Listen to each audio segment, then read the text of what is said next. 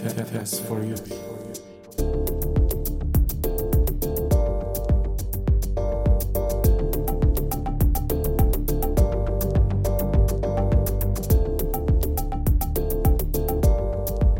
За сайн байцгаана уу эрхэм өндөр сонсогчдоо. Тэгээд энэ удаагийн дугаарт бас манай залуус эрүүл мэнд төв төрийн бус байгууллагатай хамтарч та бүхэндээ хүргэж байна. За манай зочин өөрийгөө танилцуулна уу? Сайн байна уу? Сайн байна уу? Сайн байцгаана уу сонсогчдоо. Аа намайг Сэцэн гэдэг залуус эрүүл мэнд төв төрийн бус байгууллагын аа скепа хөтөлбөрийн мэрэгчлэн байгаа. Аа. Манай урилгыг хүлээн авсанд маш их баярлалаа. Урьж оролцсон нь бас баярлалаа. Өнөөдрийн дугаараар та бүхэндээ маш хэрэгтэй эрүүл мэндийн зөвлөгөө өгөхөөр бэлдсэн байгаа. Тэгээд а ялангуяа нөгөө 12 сарын 1-нийг тохиолдуулан яг бэлгийн замын халдварт өвчин ХДХВ-гийн талаар та хэд яг дэлгэрэнгүй бөгөөд айгүй аль болох товч тэгээд хэрэгтэй мэдээлэл өгөхийг зорих болно. Хамгийн ихний асуулт болохоор ХДХВ гэж яг юу вэ? Бас доох гэдэг нь яг юу юм? Аль нэрслийн илүү ашиглах нь зохистой юм бэ? За тэгэхээр энэ дээр болохоор маш энгийн юм шиг боловч хүмүүс яг төгрөгдөд идэх зүйл нь хэдий хийвээ доохыг нэг үг ч юм уу нэг нэр гэж бодоод байдаг. А яг үнэндээ хэдий хийвээ гэдэг маань хүний тархалмслын вирус буюу хүний хүнээс хүнд хаалдварладаг ийм бичил биетэн байгаа. Имбэг үсгэгч доох гэдэг бол дархлын олмол хомсдол буюу олдомлоор төрөлхийн биш байдлаар хүний дархлаа хомсдож дутагдaltaд орох ингэснээрээ дутагдсан дархлаа хүний эрүүл мэндийг одоо хавдраас, халдвараас, шимэгчээс хамгаалах энэ үйл ажиллагаа алдагдаж хүн өвчлөнтгий болдог энэ нөхцөл байдлыг бол дархлын олмол хомсдол өвчин гэж нэрлэдэг. Аа тэгэхээр хэдий хийвээ доох гэдэг маань хамтдаа явдаг учир нь юу вэ гэхээр хүний дархлын хомсдлын вирус хүнээс хүнд халдварласнаар тэрвээ тусламж үйлчилгээний эмчилгээндээ хамрагдаж чадахгүй бол халдварын эцсийн шат буюу тархлын олмол хомсдол өвчин үүсдэг ийм учиртай байгаа. Тэгэхээр хэдийхээгийн халдвартай хүн болгон тогтоо хүн гэсэн үг биш. Тархлын олмол хомсдол доох гэдэг бол хэдийхээгийн халдварын эцсийн шат нь байдаг хэдийхээгийн хаалтартай хүн дохоор өвчлөхгүй насан туршдаа зөвхөн хэдийхээгийн хаалтартай амьдраад байх боломжтой. Заавал дохоор өвдөх албагүй байдаг. Тэгэхээр хэдийхээгийн хаалтартай хүн хэдийхээгийн хаалтар гэж яах нь бол илүү өргөн хүрээтэй яг бүх ойлголттой хамрана. Доох гэж яах нь бол зөвхөн одоо тухайн өвчнийхээ хүрээнд хэрэгтэнэ гэсэн. За бас энэ дээр айгүй сонирхолтой нь гэхээр яг хэдийхээвэг зөвхөн гей хүмүүсийн өвчин ч юм уу тэгж үзээд байдаг штеп. Тэрнэр мэдээлэл өгвөл. За ер нь бол хэдийхээгийн хаалтар Монгол оронд төдийгүй бас дэлхийн олон улс оронд бэлгийн цон хэрэгтэйчүүдийн дунд бол зөнхөлж идэг. А яагаад гэх юм бол мөн анх одоо бүртгэгдэж эхлэхдээ дархлын холбоонд хамслын тохиолдлууд хамгийн анх бүртгэгдэж эхэлж байгаа үед ч гэсэн энэ өвчнийг бол гей залуусын дунд байдаг өвчин гэж нэрэгддэг байсан. Яагаад бол тухайн бэлгийн цон хэрэгтэйчүүд маань түлхүү үеийн өвчнөр өвдөжсэн. За үүний шалтгаан гэх юм бол хэдийхээгийн хаалтар өөрөө дамжих зам нь гурван замаар дамждаг. Нэгдүгээрт бэлгийн замаар хамгаалтгүй бэлгийн хавталт халдвартай үнэтэй орсон тохиолдолд үрийн шингэнээр өтрээний шүүрлээр халдвар дамжих боломжтой. Хоёрдугаар цус халдварлагдсан цус тусан бүтээгдэхүүн түгээр бохирлогдсон зүү тайруур эмнэлгийн багаж хэрэгслэр дамжиж халдварладаг. Гуравдугаарт нэхээс хүүхдэд жирэмсэн болон төрөх үед мөн төрсний дараа хүүхний сүүгээр дамжиж халдварладаг. А бэлгийн цог эртэжүүдийн маань хувьд бэлгийн зан үйлдэл холбоотойгоор үрийн шингэн болон хүн халдварлагдсан цустай ингэж өртөж халдварах эрсдэлтэй өндөр байдаг байна. Аа. Гээ байлаа гэж тусна гэсэн үг биш. Яг ингээ хүмүүс чинь хүн амын бүлгийг ярих юм бол хэдийгээр халдрын хувьд хүн болгон өртөмхий байдаг боловч а зарим хүмүүс бусдаас арай илүү эрсдэлтэй байдаг. Энэ нь тухайн бүлэг хүн амын дундах халдрын тархалтын хувь ямар байгаагаас хамаарна те. А мөн тэр хүмүүсийн зан үйлээс хамаарна. Жишээлх юм бол Япон улсад анх хэдийхээгийн халдрын дийдэлд гарахад яасан бэ гэхээр гемофили буюу цусны өвчтөй хүмүүсийн дунд бол маш ихээр тархсан байдаг. Энэ тэр хүмүүс маань өөрсдийнхөө өвчин ингэс болоод байнга цус сэлбүүлэх, цусан бүтээгдэхүүн хэрэглэх шаардлагатай болдог гэсэнтэй холбоотойгоор шинжилгээгүй тийм хэдийгийн хаалтвартай тус тусан бүтээгдэхүүн хэрэглэснээс болоод яг тэр гемофили өвчтөй хүмүүсийн дунд бол тархалт маш өндөр болсон байдаг. Тэгэхээр энэ мэдчлэн яг өөрийнхөө өртөх одоо эрсдлээрээ шалтгаалаад зарим хүмүүс арай илүү өндөр зарим нь арай бага эрсдэлтэй байдаг боловч хүн болгон хэдийгийн хаалтварт мэдрэг байдаг. За тэгээд одоо нөгөө хийдий хивэгийн халтур авсан бол шууд үхэн гэдэг ойлголт байдаг штэ тий баг нөгөө саний илтгэр шууд тох тусаад ер нь л одоо амьдрах найдваргүй болсон ч юм уу энэ дээр яг орчин үед ямар тайлбар өгж байгаа бол За тэгэхээр мэдээж хэдийхээгийн халдвар бол тавилан тодорхой хүчин байдаг. Аа энэ бол хэрвээ эмчилгээнд хамрагдаагүй бол цагт нь тусламж үйлчлэгийг авч чадаагүй байх юм бол нас баралтаар төгсдөг ийм халдвар байгаа. Эдгээгийн халдвар авснаас хойш эмнэлзэн дөрвөө шатыг дамжин дөрөвдүгээр шатандаа дархлын олмол хамслаар өвддөг. За энэ үедээ ч бигсэн эмчилгээ тусламж үйлчлэгэнд хамрагдсан тохиолдолд хүн нас барахгүй амьдрах боломжтой. А гэхдээ бүр маш одоо хожуу хичнээн одоо эмчилгээ хийгээд ч дархлаа ирэн сэргэх боломжгүй болсон ийм үед бол бас нас оролтоор төгсөх тохиолдол байдаг. А гэхдээ өнөөдөр хэдийхээгийн халдвартай онцлогдсон хүн хэрвээ өвчтнийхөө эхний үе шатанд эрт онцлогдоод тусламж үйлчилгээнд хамрагдаад эретровирусын эсрэг эмчилгээнд хамрагдаад тэр нүгрэл юм бол хэдий хивийг устгадаг юм юм унаа гэсэн үг тийм. Ингэх юм бол а насан туршдаа бурхан тэр хүнд одоо ямар амьдрах хугацаа заасан байдгийг тийм. Тэр хугацаагаараа өвдөхгүйгээр дархлаа унахгүйгээр эрүүл амьдрах бүрэн боломжтой ийм цаг үед бид нэр амьдарч байна. Аа тэгэхээр одоо бас амар айцтай байхаар өвчин биш болсон юм байна тий. Тийм. А өөр өнөөдөр бол дэлхий дээр 20-аад брендинг хидихивигийн эсрэг юм болвол патент авсан байдаг. За тэгээд өндөр идэвхтэй ретровирусын эсрэг эмчилгээ гэдэг эмчилгээг бол дэлхийн улс орон болгонд яг энэ хидихивигийн халдвартай хүмүүст хийхдгээр бол эмчилгээ тусламж үйлчлэгнийхний стандартад орсон байдаг. Монгол улсад ч гэсэн мөн ялгаагүй хамгийн сүүлийн үеийн энэ өндөр идэвхтэй ретровирусын эсрэг эмчилгээ бол хийгддэг. Тэгэхээр хамгийн гол асуудал нь тухайн хүн маань хэдийгээр халдвартай гэдэгтэй биш халдвартай байх юм бол эмчилгээ нь байна тий тусламж үйлчлэгээний эмчилдэг эмчин байна манай оронд хүртэл байна эмнэлэг нь байна эмчин байна эмэн байна. А гол асуудал нь юу вэ гэхээр хүн маань өөрөө хэдийгээр халдвартай эсгийг мэдж байгаа гэдэг дээр л тэр хүн онцлогдож үү гэдэг дээр л асуудал байна. Хэрвээ онцлогдоод тусламж үйлчлэгээндээ хамрагдах юм бол энэ бол үхэл замнал хийсэн юм айхтар халдварт өвчин байха болсон байна. А имчилгээтэй болсон байна. Имчилгээтэй архаг хаалдвар гэж бол тооцоологдож явдаг. Илгэний Б вирусын нэгэн адлаар те герпес вирусын адлаар имчилгээтэй архаг хаалдвар а гэхдээ гол нь тухайн хүн өөрт нь энэ халдвар байгаа эсийг мэдэх хэрвээ байгаа бол тусламж үйлчлэгэндээ хамрагдах гэдэг ийм асуудал бол илүү чухлаар тавигдаж байгаа. За маш их баярлалаа. Одоо болохоор энэ нөгөө имчилгээний талаар илүү хоёлаа ярилцъя. Яг ямар имчилгээ байгаа юм бол би бол PrEP PEP гэж сонсч ирсэн. Тэгэхээр имчилгээ нь бол хамгийн анх 1985 онд Зидовудин гэд хэдий хийвэгийн эсрэг ретровирус эсрэг имийг нэгдсэн байт. А энэ имийг бол хамгийн анх лабораторийн нөхцөлд хэдий хийвэ вирусын өрсөлд төршлийг саатуулж байгааг олж нээсэн байдаг.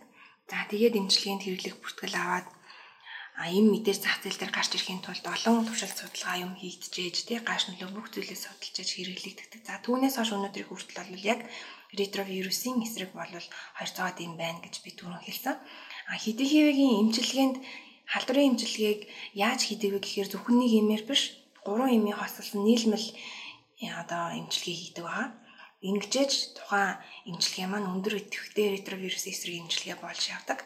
За гурван имийн нийлжээд тухайн вирусын өсөлт үржлийн тодорхой тодорхой үе шатуудад хориглох ийм үйлдэл үзүүлснээр тэр вирус өсөж үрж чадахгүй хөл төрдөг ийм байгаа нөгөө дархлааны эсүүд рүү давталж тэднийг устгадаг хүүлдэг үйлдэл нь байхгүй болно гэсэн. За тэгэхээр мэдээж хүн өөрийнхөө физиологийн цохилтлохоор дархлааны эсүүд маань иргэн хэвийн хэмжээндээ хүртэл өсөж одоо нөхөн хүрчиж чаддаг. А тэгээд тухайн хүнийг дархлын олмол хамслаар өвдөхгүйгээр хэвийн дархлаатай ямар одоо бусад хэдийхийг халдваргүй хүмүүс шиг ханаа том бусад одоо өвчмөгт өртөх байдал нэг адилхан төвшөнд очно гэсэн үг. Тийм байдалтай эрүүл мэнд нь амьдрах боломжийг олгодог. За энэ юм нь болохоор мөн зөвхөн хэдийхээгийн халдвартай хүмүүст халдварын эсрэг имчилгээ болохоос гадна урьдчилан сэргийлэх ач холбогдолтой байдаг. За нэг 2011 оноос онд бол яг үр дүнгээ тайлгалсан томоохон судалгаа болол шилүү хааны үндслийг нь тавьж гаргаж ирсэн байгаа. За тэр маань юу вэ гэхээр хэдийхээгийн халдвартай хүн ганцхан нэмийг уух биш. Бас хэдийхээгийн халдваргүй хүн энэ ретровирусын эсрэг имийг тодорхой өдөр болгон ууж хэрэглэснээр өөрийгөө хэдийхээгийн халдвар авах эрсдлээс үлэмж хэмжээгээр сэргийлж байна гэдэг үр дүн бол гарсан. За яг судалгааны үр дүнд бол бэлгийн замаар хэдийхээгийн халдвар авах эрсдлийг өдөр болгон ууснаар хэдийхээгийн халдвар авах эрсдлээс өөрийгөө 86 хувиар бууруулж байна гэсэн ийм үр дүн гарсан байдаг. Энэ нь ялангуяа бэлгийн цөм хэрэгтэйчүүдэд бол гетеросекс хүмүүсээс илүү одоо өндөр үр дүнтэй байна гэсэн ийм үр дүн гарсан. За тэгээд энийг бол өртөлтийн өмнөх урчин сэргийл хэмжлэгээ буюу одоо дэлхийн нийтээр PrEP гэж их танигдсан энэ урчин сэргийл хэмжлэгээний стратеги бол 2012 оноос дэлхийн эрүүл мэндийн байгууллага болон CDC-гээс бол улс орнуудад зөвлөмж олгож гаргаж тавьсан байдаг. Манай Монгол улсад 2013 оноос энэ эритровирус эсрэг эмчилгээний урьдчилан сэргийлэх одоо энэ стратегийг бол бас хэрэгжүүлж эхэлсэн байдаг. За одоо ийм им гарцсан байгаа Монголд одоо уух боломж нь байгаа болов? За Монгол улсад яг одоо хэрэгжихтэй өртөлтийн өмнөх урьдчилан сэргийлт эмчилгээ болвол нэг нь хэдийхээгийн хаалтартай амьдарч байгаа нөгөөтг нь хэдийхээгийн хаалтаргүй юм zero discordant гэж нэрлэгддэг одоо хэлдэг ийм хосуудын дунд хэрэглэнэ гэсэн заалттай байдаг. А гэхдээ яг энэ өртөлтийн өмнөх хурсан сэргийл эмчилгээ бол мэдээж zero discordant хосууд буюу нэг нь халдвартай нэг нь халдвардгүй хамт амьдарч байгаа хосуудад бол халдваргүйг нь халдвартай хосоосоо хэдийгийн халдвар авахаас бол сэргийлэхэд маш үр дүнтэй. Боловч хамгийн их хэрэгтэй байгаа хүн ам бол бэлгийн цүн хэрэгтэйчүүдэд бол хамгийн их үрдэмжтэй байх хэвээр. За тэгэхээр яг өнөөдрийн байдлаар бол Монгол улсад энэ бол хэрэгжих боломжгүй одоо хараахан эрүүл мэндийн сайдын тушаалт журамд бол эмчилгээг энэ хүмүүст хийнэ гэсэн заалт байхгүй байгаа. Урчин сэргийлэх эмчилгээг. Аа тэгэхээр бид нар залуус эрүүл мэнд төв төрийн бас байгууллагаас маань Азийн 8 орнд хэрэгжиж байгаа. Азийн орнуудад хэдийхээгийн тусламж үйлчлэг эрсдэл бүлгийн хүн амд хүртэл хүртээмжтэй байдлыг доктортой байдлыг хангах энэ хөтөлбөрийн хүрээнд 2020 2021 онуудад элийн цог эрхтэйчүүдийн дунд болон трансгендер эмэгтэйчүүдийн дунд өртөлтийн өмнөх урьдчилан сэргийлэх хэмжлэгийг хүртээмжтэй болгох энэ төслийг бол хэрэгжүүлэхээр төлөвлөж байгаа. Аа. Тэгэхээр тэр үед бол а яг хэрэгтэй байгаа хүмүүстэй энэ уршин сэргийлэх хэмжлэгээ маань хүртээмжтэй болно гэж найдаж байна. За тэгээд төсөл тэрж дуусны дараагаар цаашдаа бас нэг хүртээмжтэй байдлыг нь хിവэр нь хадгалах тал дээр бол бас ажлууд хийхээр төлөвлөгдсөн байгаа. Мм ямар мундаг а бас манай сонсогчид зэм төвийг анх удаага сонсч иж магадгүй. Тэгэхээр тэр тал дээр хоёулаа жоохон мэдээлэх үү. За залуус эрүүл мэнд төрийн бас байгууллага маань бол анх яг олон нийтийнхаа санаачлагаар бол үүсгэн байгуулагдчихсан. Олон нийт маань өөрсдөө удирдаад явдаг дотор нь ажилладаг хүмүүс маань ч гэсэн яг ангийнхан маань байдаг ийм төрийн бас байгууллага байгаа. Биш ихэвчлэн бэлгийн цог хэрэгтэйчүүд болон трансгендер эмэгтэйчүүдийн эрүүл мэндийн чиглэлээр төсөл хөтөлбөр хэрэгжүүлдэг үйл ажиллагаагаа явуулдаг ийм байгууллага. А манай залуус эрүүл мэндийн төв маань дэрэгдээ олон нийтэд ээлтэй клиник ажиллаулдаг. За энд маань болохоор хэдийхээгийн хаалтвар, тэмбүүгийн хаалтвар илрүүлэх шинжилгээнд та бүхэн төлбөргүй хамрагдах боломжтой. Хэрвээ шинжилгээний хариу эерэг буюу ямар нэгэн хаалтвартай илэрсэн тохиолдолд бид бүхэн мөн тусламж үйлчлэгийн холбоон зуучлах, эмчилгээнд тэмбүүгийн эмчилгээнд хамруулах бусад бэлгийн замаар дамжих халдварын шинжилгээ эмчилгээний зуршлах ийм үйл ажиллагааг бол байнга явуулдаг байгаа. Тэгээ манай клиник маань хагасаа өдөрч гэсэн үр таалга нээлттэй байдаг. Хаяг маань болохоор Grand Plaza төвийн офисийнх нь 15 давхарт байрладаг байгаа. За тэгэхээр манайхан нэг санаа зовлтгүй очоорой эднийх бас нууцтай харсан. хаяггүй үйлчлэг үзүүлдэг. Шинжилгээнд хамрагдаад бол танаас ог нэр, регистрийн дугаар, гэрийн хаяг харьяалал болгох шаардлагагүй байгаа одоо э, яг энэ эмнээс гадна өөрөөр яаж урьдчилан сэргийлүүл зүгээр идэг вэ? Тэгэхээр эмнээс гадна ерөөдөө эм маань бол хоёр янзаар урьдчилан сэргийлж байгаа. Нэг нь болохоор өртөлтийн өмнөх урьдчилан сэргийлэлт буюу PrEP гэд түрүүн ярьсан. За нөгөө нэг эмийг бас яаж урьдчилан сэргийлж хэрэглэж болдог вэ гэхээр хэрвээ халдварт өртсөн тохиолдолд буюу ямар нэгэн эрсдэлтэй алхам хийцэн байгаа тохиолдолд 72 цагийн дотор уудаг тийм бас нэг арга байдаг. За гэхдээ энэ бол маш сайн зөвлөгөө авч тэгээд маш сайн хяналтанд доор хийгдэх хэрэгтэй. 28 хоногийн турш эрсдэлтэй алхам хийсэн тухайн өртөлтөөс хойш аль болох хурдан хугацаа нэгээс 2 цагийн дотор бол бүр сайн гэж ярьдаг. Гэхдээ цаат хугацаанд 72 цаг байдаг. Тэгээд түүнээс хойш 28 хоногийн турш бол энэ ретровирус эсрэг имийг мөн ууж хэрэглэснээр хэдийгээр халдварт өртсөн тохиолдолд тухайн халдварыг хүний бие махбодод нэвтэрч орохоос бол хамгаалдаг ийм сэргийлтэй арга байдаг. За энэ арга бол яг үр дүн нь бол үр нөлөө нь бол энэ прептэй адилаар ийм шинжилгээ ухааны үндэслэл бол төдийлөн их байдаггүй боловч бас case study зарим зарим иргэн одоо тийм ретроспектив судалгаануудаас үзэхэд бол үр дүнтэй гэдэг нь харагддаг ийм арга байгаа. За ер нь нийгмийн урьдчилан сэргийлтийн хувьд бол ийм хоёр төрлийн урьдчилан сэргийлэх арга байдаг. Монгол улсын хувьд ярих юм бол хэдийгээр хаалтартай онцлогдсон бүх тохиолдол нь 99% нь бэлгийн замаар тухайн хаалбарыг авсан байдаг. За тийм учраас ялангуяа нөхөрчгөн насны буюу одоо бэлгийн идэвхтэй амьдралтай ийм хүмүүс маань аюулгүй бэлгийн харилцааны энэ аргуудыг аягүй сайн мэддэг ах хэрэгтэй. Тэгээд тохиолын бэлгийн харьцаанд орж байх юм бол нэгэн тал тэр хүнийхээ одоо шинжилгээний хариу нүдээр үзэж хараагүй баттай мэдээгүй тохиолдол бэлгэвчийг хэрэгжилж авах хэрэгтэй. Зөвхөн хэдийхээгийн хаалтар гэлтгүү бусад одоо даалт хэлбэрээр тухайн хүнд тэгч хэлбэрээр яваг байдаг зөндөө олон хаалтрууд идэг шүү дээ одоо хүний хөхтөр вирус буюу папиллома вирусын хаалтар за бэлгийн хомхоо гэдэг одоо дандаа вирусын харах хаалтрууд нэгэнт тэр хүн тухайн вирусыг авсан тохиолдолд бүрийн имчилэгддэг ийм вирусын хаалтрууд байдаг. За имчилгээтэй хаалтруудаас ярих юм бол тэмбүү, заг хүүтэн, хламидын хаалтар тий. За тэгээд микоавиропластны хаалтар гэдэг маш олон төрлийн бэлгийн замаар дамжих хаалтрууд байдаг. За хүн нэг удаагийн бэлгийн хавтлаар ганцхан төрөл ганцхан бэлгийн замаар дамжих халдрыг биш нийцгээд их авчих боломжтой байдаг. Тийм учраас бас хэрвээ одоо ямар нэгэн төрлийн бэлгийн замаар дамжих халдвар илэрсэн тохиолдолд заашгүй эрүүл мэндийн байгууллагад хандаж шинжилгээ өгж эмчилгээ хийх нь бол илүү үр дүнтэй. Яагаад юм бол хасарсан халдвар явж байгааг үүсэхгүй те хин нэг нь найзнаа ногоодээ гараад байвал наа чинь ийм тариа би тариулж исэн гэж тариулчаад дахиад давхар ард нь тэмбүү авцсан явж байгаа тэрийг юм мэдхгүй далд хэлбэрт шилжүүлчих юм аюултай байдаг учраас аа ерөнхийдөө бол эхлээд өөрсдөө тухайн өвчнүүдийг авахаас хамгаалаарай.